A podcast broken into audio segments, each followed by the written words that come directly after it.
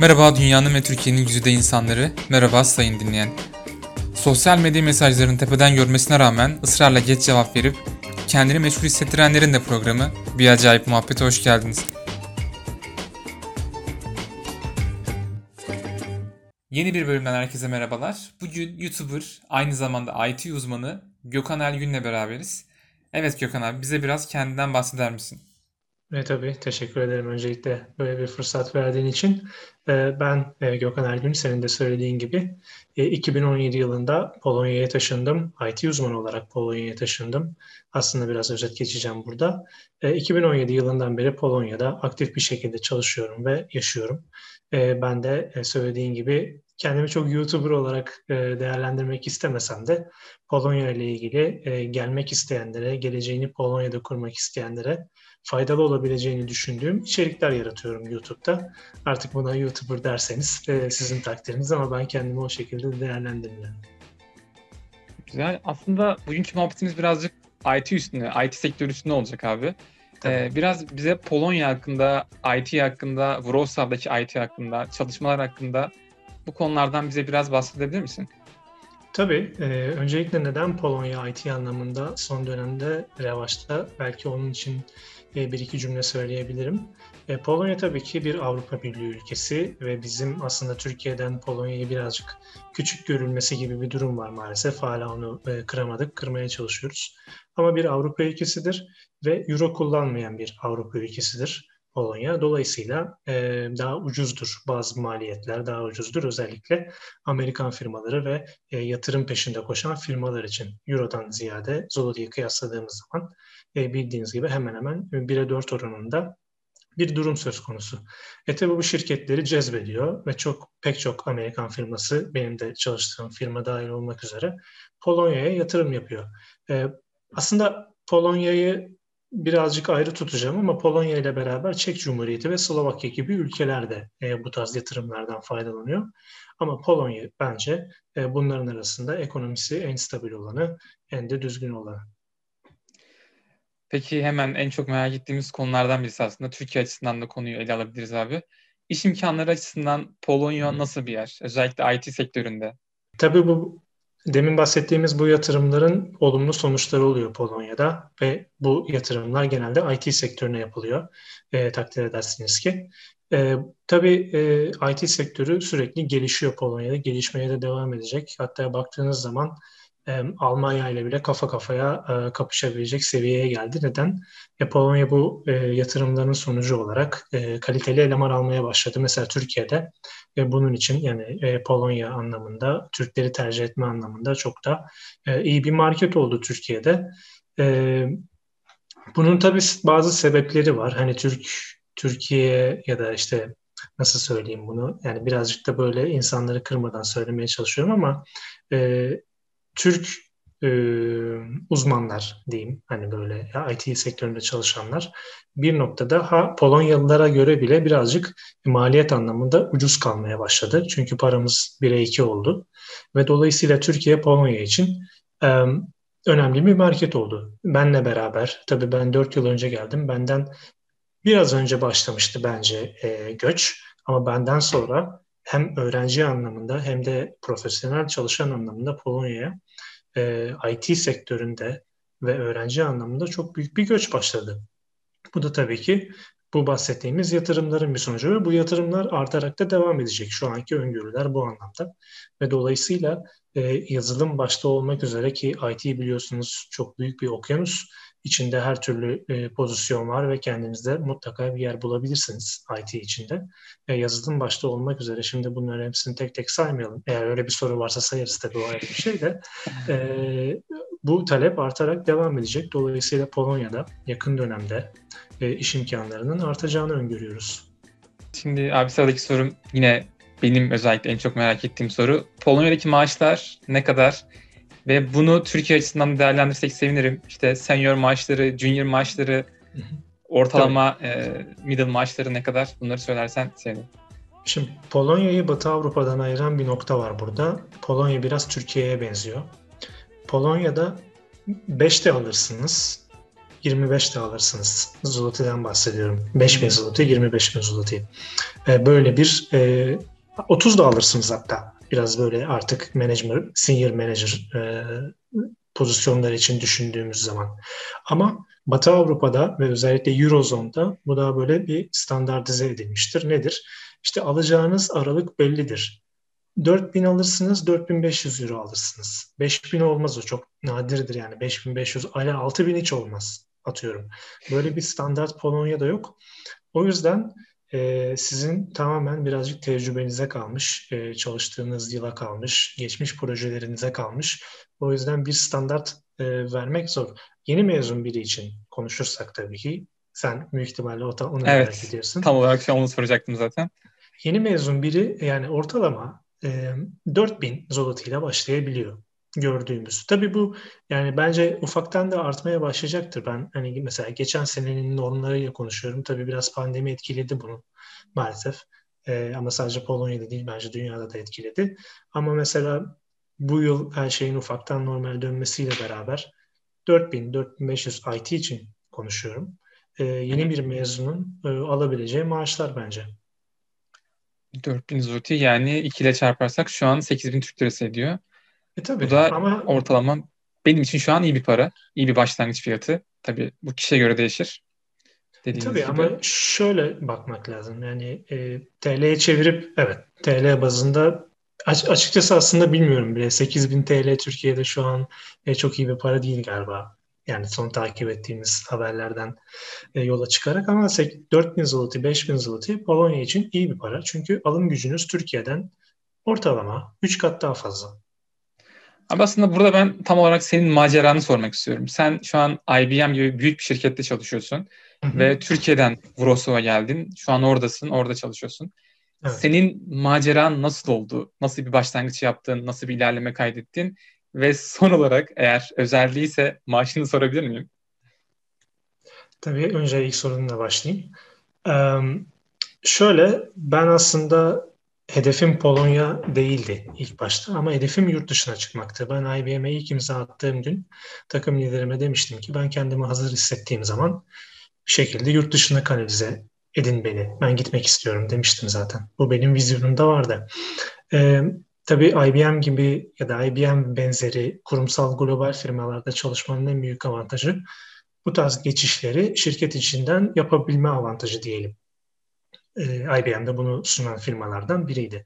E, ben de 4-4,5 yıl artık Türkiye'de çalıştıktan sonra ve kendimi artık hazır hissettikten sonra demin de söylediğim gibi ufaktan yurt dışıyla dirsek temaslarına başlamıştım. Bu e, başka firmalara bakmadım açıkçası çünkü çok kolay olmadığını biliyordum. Bunun en kolay yolu içeriden geçiş yapmaktı. Ben de o şekilde aslında e, sadece Polonya'da değil aslında dirsek temasında bulunduğum ülke. İşte demin de bahsettiğim gibi Slovakya vardı, Çek Cumhuriyeti vardı ki benden hemen sonra en yakın takım arkadaşlarımdan biri Çek Cumhuriyeti'ne gitti. Başka bir takım arkadaşım Slovakya'ya gitti gibi. Bu ülkeleri genelde tercih ettik.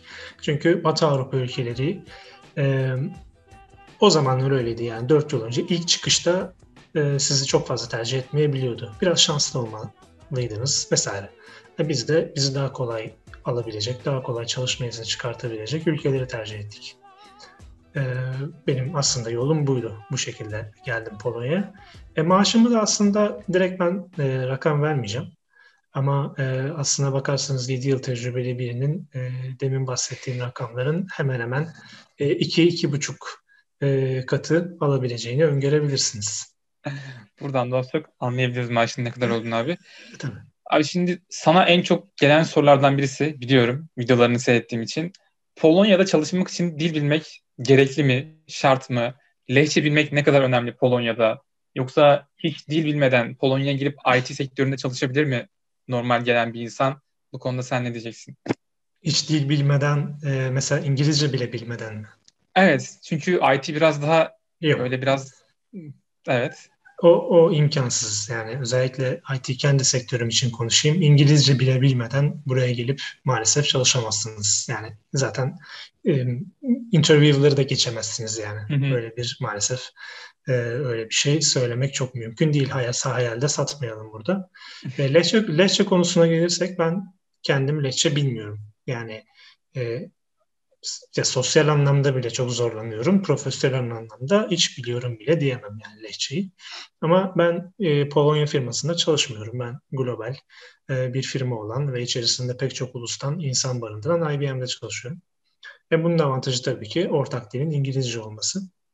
E, IT sektörü dolayısıyla İngilizce ile rahatça idare edebileceğiniz e, bir sektör ama daha böyle e, mühendislik gibi e, fabrikada atıyorum. Fabrikada çalıştırmanı çalışmanızı gerektirecek pozisyonlar, işler o tarz e, sektörlerde lehçe yüzde yüz şart değil ama çok büyük bir avantaj. İş bulma anlamında çok büyük bir avantaj. Ekstra diğer dillerden şekilde muhtemelen avantajlıdır diye Tabii. düşünüyorum. Peki abi e, ben de aynı şekilde IT'ye kendim yeni başladım olarak değerlendiriyorum. IT'ye girme şartlarından biri de özellikle dilleri. Bazı dilleri çok iyi bilmek gerekiyor. Başlangıç olarak sizin tabii bu kişiye göre, bölüme göre, alana göre değişir. Ama sizin işte şu diller bilinmeli, işte şu dilleri eğer bilirseniz ileride çok daha iyi paralar kazanabilirsiniz dediğiniz diller var mı? Ne tavsiye edersiniz? Var ama şöyle ufak bir e, ayrım yapmak istiyorum. Yani IT'ye giriş, yazılıma girişle aynı şey değildir yüzde yüz olarak. Tabii ki yazılım IT'nin bir dalıdır. Ama senin bahsettiğin anladığım kadarıyla tabii ki yazılımla alakalı bir evet. soru soruyorsun. E, günümüzde tabii ki e, çok önemli işte big data gibi, işte machine learning gibi e, çok önemli konular var. Gelişmekte olan konular var. Artificial, artificial intelligence gibi. Tabii bunların e, kullandığı e, genel geçer bazı diller var. E, tabii her firmanın kullandığı dil farklı olmakla beraber en popüler olanları R, e, JavaScript ve Python. E, bunu, bu üçü e, benim favorim ve çok sık kullanılan, IT'nin her alanında kullanılan e, üç tane dil. E, bunların tabii ki e, zorluk dereceleri var öğrenme anlamında. Eğer hani nacizane tavsiyem eğer böyle bir e, yol izlenmek iste, isteniyorsa e, Python'la başlanılabilir. E, ona paralel JavaScript ilerlenebilir. Daha sonra e, ara geçilebilir ki aslında Python'dan sonra ara öğrenmek e, belki de çok şart değil. Onu da artık e, ihtiyaçlara göre bakarsınız. Peki abi bu son dönemde özellikle pandemi sürecinden sonra okullarda çok aktif değil. Ben bunun biraz evet. sıkıntısını yaşıyorum ve evet. biraz daha sertifika almak için internetten programlar bakıyorum kendime artık şunu da biliyorum işte Udemy gibi programlar artık tam olarak ciddiye alınmıyor bazı yerlerde. Geçerli olarak sayılmıyor. Tabii. Sizin sertifikasyon açısından önerdiğiniz yerler, siteler var mı? Sertifikasyon, e, yazılım sertifikası almak için aslında tabii ki e, Coursera yani Udemy'den daha ciddi ve daha aslında e, sayılan bir yer var Coursera. Bence Coursera'ya bakabilirsiniz. Onun dışında Udemy aslında söylediğine katılıyorum. Yani sektörde çok genel geçer, çok böyle saygıdeğer bir sertifika olmayabilir. Udemy bence daha çok böyle kişisel öğrenme için önemlidir. Çok önemli bir kaynaktır bu arada. Altını çizmek istiyorum. Yani e, çok güzel şeyler öğrenebilirsiniz Udemy'den ama böyle sertifikasyon anlamında bir şeyler yapmak istiyorsanız Coursera önerebilirim. E, onun dışında işin birazcık daha tecrübeliler için konuşmam gerekirse hani management anlamıyla ilgileniyorsanız e, işte Scrum sertifikaları, Cloud sertifikaları, mesela architect pozisyonları vardır IT içerisinde. E, önemli olan tabii e, public cloud provider'lar var e, sektörde. İşte IBM bunlardan biri. Onun yanında Amazon var, Microsoft var, e, Google var. Bu tarz firmaların kendi sertifikasyonları var. E, hepsinin aslında developer sertifika, mesela yazılımcı sertifikasyonları da var. Kendi cloud platformlarında bir şey yaratabilmek için öyle bir sistem yapmışlar. E, bu tarz bu dört büyüğün IBM'i aslında birazcık ayrı tutuyorum. Bence e, IBM sertifikasyonları diğerleri kadar geçerli değil. Ama özellikle e, AWS ve Google e, kendi sertifikasyon sertifika programlarını çok güzel dizayn etmişler. E, oraya da bakabilirsiniz bence. Şu an ben ikinci sınıfım abi biliyorsun ve evet. artık yavaş yavaş staj arıyorum kendime. E, bunun için nasıl yollar izlemeliyim? Özellikle bu soruyu Türkiye açısından da değerlendirebilirsiniz. Artık stajın çok önemi var. Yavaş yavaş bir evet. işe giriş yapma adına. Bunun için nasıl yollar izlemeliyim? Şimdi e, tabii ki aslında e, Avrupa'da bir e, kabul görmüş bir sistem var. Yani önümüzde bir LinkedIn gerçeği var. E, bu LinkedIn üzerinden zaten e, stajsa staj, e, ne bileyim kısa dönem part-time çalışmaysa part-time çalışma şirketler ne tarz ihtiyacı varsa artık LinkedIn'e postluyor. E sen de Polonya'da yaşayan birisin, Varşova'da yaşayan birisin. Senin yapman gereken gün be gün LinkedIn'i çok yakinen takip ediyor olman ve ilgilendiğin özel firmalar varsa bilmiyorum işte aslında demin saydığımız firmalar mesela Microsoft var Varşova'da.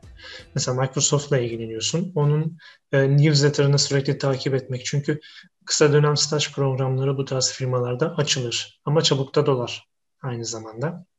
Sürekli böyle o firmalarla bir şekilde dirsek temasında olmak. E, mümkünse LinkedIn'den orada çalışan e, birkaç kişiyi network'üne ekleyebilmek. Belki onlarla ufak bir e, fikir alışverişi yapmak. Bu tarz şeyler aslında hani böyle ya olur mu işte ne diyeceğim adama ya da ne diyeceğim kadına tarzı bir yaklaşım e, olabilir. Doğrudur ama bu tarz, bu tarz bakmamak lazım. Çünkü arkadaşlar aslında e, Avrupa'da böyle şeyler çok doğal bakılıyor. Yani ben bile hala e, network'üme bir sürü insan ekliyorum ve tanımıyorum bu insanları ve bir şekilde fikir alışverişi yapmaya çalışıyorum. Onlara bir değer vermeye çalışıyorum. Bu çok önemli. Biraz proaktif olmak gerekiyor bu konuda. E tabii bunun yanında da e, başvururken mutlaka bir e, CV'niz oluyor, bir cover letter'ınız oluyor. Sizin için CV e, şu şekilde mesela yaptığın projeleri eğer varsa ön plana çıkartıcı bir CV zaten hani profesyonel bir tecrübe beklemiyor kimse sizden. E, onun dışında sizin için daha önemli olan bence e, motivasyon mektubu dediğimiz aslında İngilizcesi cover letter. E, güzel bir cover letter hazırlığıyla beraber e, her gün gerekiyorsa her gün e, red alabilirsiniz. Çok doğal. Ben de hala red alıyorum. Red almaktan yılmadan her gün başvuru yapmak. Aslında burada şunu sormak istiyorum. Ee, benim bazı arkadaşlarım var. IT alanında kendileri çok iyiler. Yazılım alanında özellikle. Hı hı. Ve artık okulu biraz zorladığını, okulun hiçbir işe yaramadığını, diplomanın hiçbir işe yaramadığını, LinkedIn'den normal bir profil açıp iş bulabileceklerinden bahsediyorlar abi. Burada diplomanın faydası gerçekten var mı? Yazılım konusunda, IT konusunda özellikle. Bu konuda senin fikirlerin neler? Mutlaka var. Yani mutlaka var. Ee, yani insanlar bakmıyor, düşün, zannetmeyin. Bakıyorlar tabii ki. Ee, yani alaylı olarak gelip de iş bulan tabii ki vardır ama çok iyi olmanız gerekir. Yani geçmişinizin çok güçlü olması gerekir. Projelerinizin çok güçlü olması gerekir. Ee, hiçbir işe yaramıyor diyemem bu anlamda aslında. Yani aslında yaradığını da öğrenmiş olduk tekrardan. Yarıyor Şimdi biraz da konuyu biraz daha farklı değiştirmem gerekirse Wrocław'daki biraz sosyal yaşamı ben merak ediyorum. Wrocław'da daha önce bir kez bulundum ve gerçekten çok güzel bir şehir olduğunu düşünüyorum. Hatta 2018'de mi, 17'de mi Avrupa'nın en iyi şehri seçilmişti. Kültür başkentiydi tabii. Evet, şey, tra- travel destination'da, en iyi travel destination'da.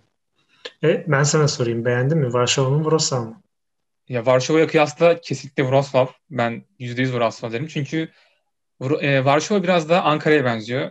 Evet. Böyle insanların daha çok çalıştığı, okumaya geldiği bir yer. Çok fazla gezecek, eğlenecek bir yer yok. Evet. Ama Wrocław'da gerçekten şehrin mimarisi, yapısı çok güzel. Evet. Ama tabii ben orada kalmıyorum. Ben birkaç gün orada bulundum sadece. Sen nasıl değerlendireceksin abi Wrocław'ı bize? E, Varşova'da tabii ki birazcık başkent sıkıcılığı var. Yani böyle birazcık ya büyük şehir havasını alıyorsunuz. Evet ama e, biz ki ben İstanbulluyum. Sen hangi şehirden geldin bilmiyorum Ankara. Ama, Ankara. Ankara'dan. Evet tamam işte. Yani biz de büyük şehrin ya ben sıkılmıştım açıkçası büyük şehirlerden. Burası bana e, harika geliyor. Sosyal yaşam e, birazcık öğrenci şehri tabii ki burası. Yani çalışan yani böyle bence çok iyi bir denge var burası. Çalışan insanlarla öğrenci olanlar arasında çok iyi bir denge var belki yarı yarıyadır e, aslına bakarsanız tam datayı bilmemekle beraber. E, küçük bir şehir, kompakt bir şehir. Ben kompakt olmasını çok seviyorum. İnsanı yormayan bir şehir. E, her ihtiyacınızı kolayca karşılayabildiğiniz e, bir şehir. Varşova'da da tabii ki öyle yani. Bunlar tabii ben Wrocław özelinde diye söylemiyorum ama e, birazcık kişisel de bir görüştür. Ben şehrin kompak olmasını e, çok seviyorum. Mesela bir merkezimiz var e, eğlence ihtiyacımızı, her türlü eğlence ihtiyacımızı o merkeze giderek e, karşılayabiliyoruz. Tabii şöyle bir dezavantajı var. Artık 4 yıldan 5 yıldan sonra birazcık e, monotonlaşıyor. Aynı tek düze e, döngüye giriyorsunuz ama yine de ben çok keyif alarak yaşıyorum Wrocław'da. Tabii kışları mesela biri Wrocław'a kışın gelse dese ki ya bu ne biçim şey ben buraya yerleşmem giderim. Çünkü soğuk ve gri genelde. Ama yazın gelse der ki ben hayatımın geri kalanını burada geçiririm. Ee, böyle de bir fark var. Ee, o yüzden e, ben tercih anlamında yani mesela arkadaşlar bana soruyor yani Varşova'yı mı tercih etmeliyim, Wrocław'ı mı tercih etmeliyim? Tabii ki tek tercih sebebi sosyal hayat ya da şehir güzelliği değildir. Yani üniversiteler falan da çok ki Wrocław üniversiteleri de iyidir. Ee, ama ben genelde ben kişisel tercih olarak Wrocław'ı öneriyorum herkese. Ben de kesinlikle Wrocław öneririm. Özellikle Varşova'da yaşayan birisi olarak. Biraz da peki abi bize orayı ekonomik açıdan ya da Polonya'yı genel olarak ekonomik açıdan değerlendirebilir misin? Ev kiraları olur, market fiyatları olur. Hı hı. Senin gözünden merak ediyorum. Ee, şöyle, Polonya'da tek pahalı diyebileceğimiz e, kalem ev kiralarıdır aslında. Ben ilk geldiğimde şaşırmıştım ama e, maalesef durum böyle. Onun dışında e, market fiyatları aslında demin de söylediğimiz gibi alım gücü neredeyse e, üçte bir oranında daha fazla Polonya'da. E bu da tabii ki her yere yansıyor. Yani e, market fiyatları, araba fiyatları ki biz Türkler olarak arabalara çok meraklı e, bir milletiz. Araba fiyatları evet. e, biliyorsun yani. E, üçte bir oranında alım gücünüz e, hemen hemen e, daha iyi. E, gereksiz vergi ödemiyoruz sağa sola vesaire. E tabii ev fiyatları konusunda çok detaylı bir araştırma yapmadım. Hani niye böyledir kardeşim evler diye. Sadece şunu söyleyeyim. Ev kiraları e, genelde işte her şey dahil fix bir fiyat ödüyorsunuz. Orada da şöyle bir avantajınız var. Zam yok. Yani e, en azından kendi şeyimde, durumumda ben işte dördüncü, beşinci yılıma gireceğim şeyle, e, bu evle. Hiç ben zam olmadı kirama. Hani böyle bir e, avantajı var. E, o yüzden işte ben ne veriyorum? Ev kirası, işte aidat dediğimiz bizim şeyler, internet, işte ısınma, su, elektrik vesaire. Hepsi fix bir e, fiyat ödüyorsunuz. E, tabii seçtiğiniz evin e, durumu da yani kondisyonu da bu anlamda çok önemli. Benimki yeni yapılan bir bölgede yeni bir ev. izolasyonu falan çok iyi. Yani evde atıyorum kalorifer açmasan çok da üşütmüyor bile. Çünkü izolasyon gerçekten iyi yapılmış durumda. Ve bunun yanında bir de tabii ki eski tip evler var. Birazcık e, komünizmden kalma diyebiliriz. O tarz apartmanlar, evler var. Onların tabii ki kiraları daha uygun. 1000 ila 1500, 1500 diyelim hadi. Bir artı birlerden bahsediyorum. E, neyse çok da yani aslında e, sorunun evlerle alakalı değildi ama ekonomiyi birazcık daha böyle insanların gözünde canlandırma adına. Yani en pahalı kalem ev olacaktır. E, geri kalanı çok daha rahattır tabii ki. Peki abi bize ufak bir şekilde bir öğrencinin bir yıllık masrafını söyleyebilir misin tahminen? Eğer zor bir soru olmazsa senin için. Yok değil aslında. Bunu daha dün cevapladım aslında e, bu soruyu. Kendim de kalem kalem hesaplamıştım. E, bir öğrencinin her şey dahil aylık aslında diyeyim sana.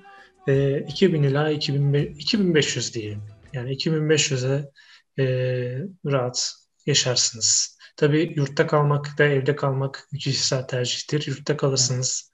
E, bu birazcık daha uyguna gelebilir. Çünkü yurt fiyatları Varşova'da tam olarak ne kadar bilmiyorum ama Burada sorduğumuz, öğrendiğimiz işte 400 ile 600 arasında yurt fiyatları var. E onun dışında zaten market harcaması, eğlenme vesaire. Dolayısıyla e, söylediğim e, miktar e, doğrudur yani aşağı yukarı e, o iş oraya çıkar. Ha yıllığa da vurursan işte çarpı 2512. Tamamdır. Peki abi şunu sormak istiyorum. Burada özellikle Polonya'da karşılaştığın bir ırkçılık, farklı bir olay, yaşadığın tatsız bir anı hatıra oldu mu? Muhtemelen sana en çok sorulan sorulardan birisi bu. Ben de evet. biliyorum. YouTube'dan seyrettiğim kadarıyla da tekrar bu soruyu sana soruyorum. Ee, soruna cevabım hayır olmadı. Ama olmadı, ya bu benim tabii ki deneyimimdir. Bu benim hayatım. Benim karşıma çıkmadı. Ama olan oldu mu? Evet oldu. Yani duydum. Türkiye mi oldu? Hayır. Bir tane Hintli çok yakın sevdiğim bir arkadaşımın başına geldi.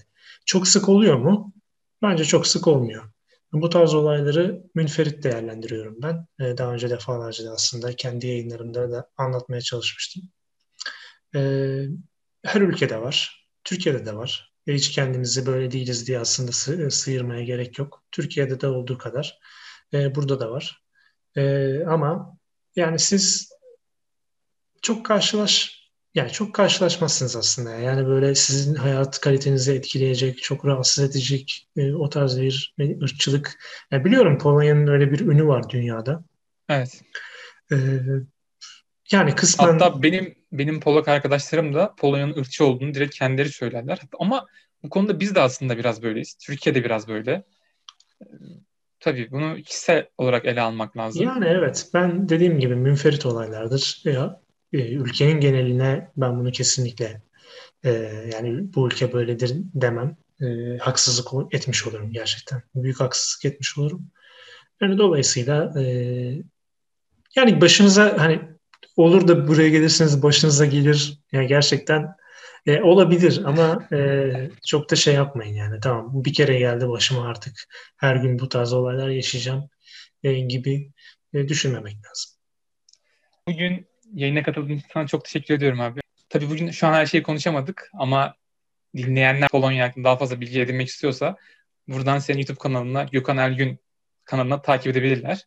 Evet. Son olarak abi senin söylemek istediğin şeyler var mı? İşte Polonya'ya geleceklere tavsiye edeceklerin ya da IT okumak isteyenlere tavsiyeleri var mı? Ne söylemek Tabii. istersin? Tabii şunu söylemek istiyorum. Yani Polonya bence e, çok güzel bir ülke. Yaşamak için çok güzel bir ülke. E, yani insanlar genelde böyle Almanya ya da Hollanda ile kıyasladığı zaman küçük görüyor. Kendilerine göre haklılık payları vardır ama küçük görmeme, görülmemesi gereken bir ülke. E, dediğim gibi, demin de konuştuğumuz gibi yatırım alan ve gelişmekte olan bir ülke. E, böyle yaklaşmak gerekiyor. Yani Polonya'yı bir e, geçiş olarak da görebilirsiniz. Ben e, kendi adıma öyle görmüştüm. Polonya'ya gelirsiniz. e, Daha sonra zaten kendinizi bir şekilde Avrupa'ya attıktan sonra e, iş bulma imkanları, mesela okuduktan sonra da tabii ki bu söylediğim geçerli. İş bulma imkanları e, elinizin altında oluyor. E, bu şekilde yaklaşmak lazım Polonya'ya. Ve de geleceklere tabii ki aslında e, söylemek istediğim şey e, Polonya'nın e, insanına ve kültürüne birazcık saygı duymak gerekiyor. Çünkü Polonya milliyetçi bir ülkedir. Yani e, onları aslında tekrar ediyorum kendime ama çok da küçük görmemek gerekiyor. Birazcık anlayışlı olmak gerekiyor bu insanlara da. Bu insanlar da e, tarihte çok zorluklar çekmişlerdir. E, dolayısıyla bazı sadece Türklere karşı değil farklı milletten olan insanlara e, birazcık e, ön yargıyla yaklaşmalarını birazcık anlayışla karşılamak gerekiyor. E, dolayısıyla onlara burada saygı duymak gerekiyor. Çok Türklük yapmamak gerekiyor. Hani ben oraya gideyim, e, burası benim e, muhabbetine çok fazla girmemek gerekiyor. Çünkü aslında böyle yaptığınız zaman ve bunu hissederlerse sizin açınızdan e, o zaman işte belki o ırkçılık dediğimiz şeyi görebilirsiniz. Ayrımcılığı görebilirsiniz. O yüzden böyle çok yapmamak gerekiyor. Bunların kültürlerini de anlamak, mümkün olduğu kadar anlamak gerekiyor. Ve e, eminim ki e, geldikten sonra çok da mutlu olacağınız bir ülkeyle karşılaşacaksınız. Bugünkü programın sonuna geldik. Kapanışımızı her zamanki gibi yapalım. Delinin attığı taş yerinde ağır olandır. Bazen o taşa kafasını vurur, bazen o taşı takip eder durur. Öyle bir taş ki kimi zaman kanatır, kimi zaman da yola çıkarır. Öyle bir taş ki ait olduğu yerde hayat bulur. Burada alkış yapıyorsun. Haftaya yeni bir programda görüşmek üzere. Esen kalın.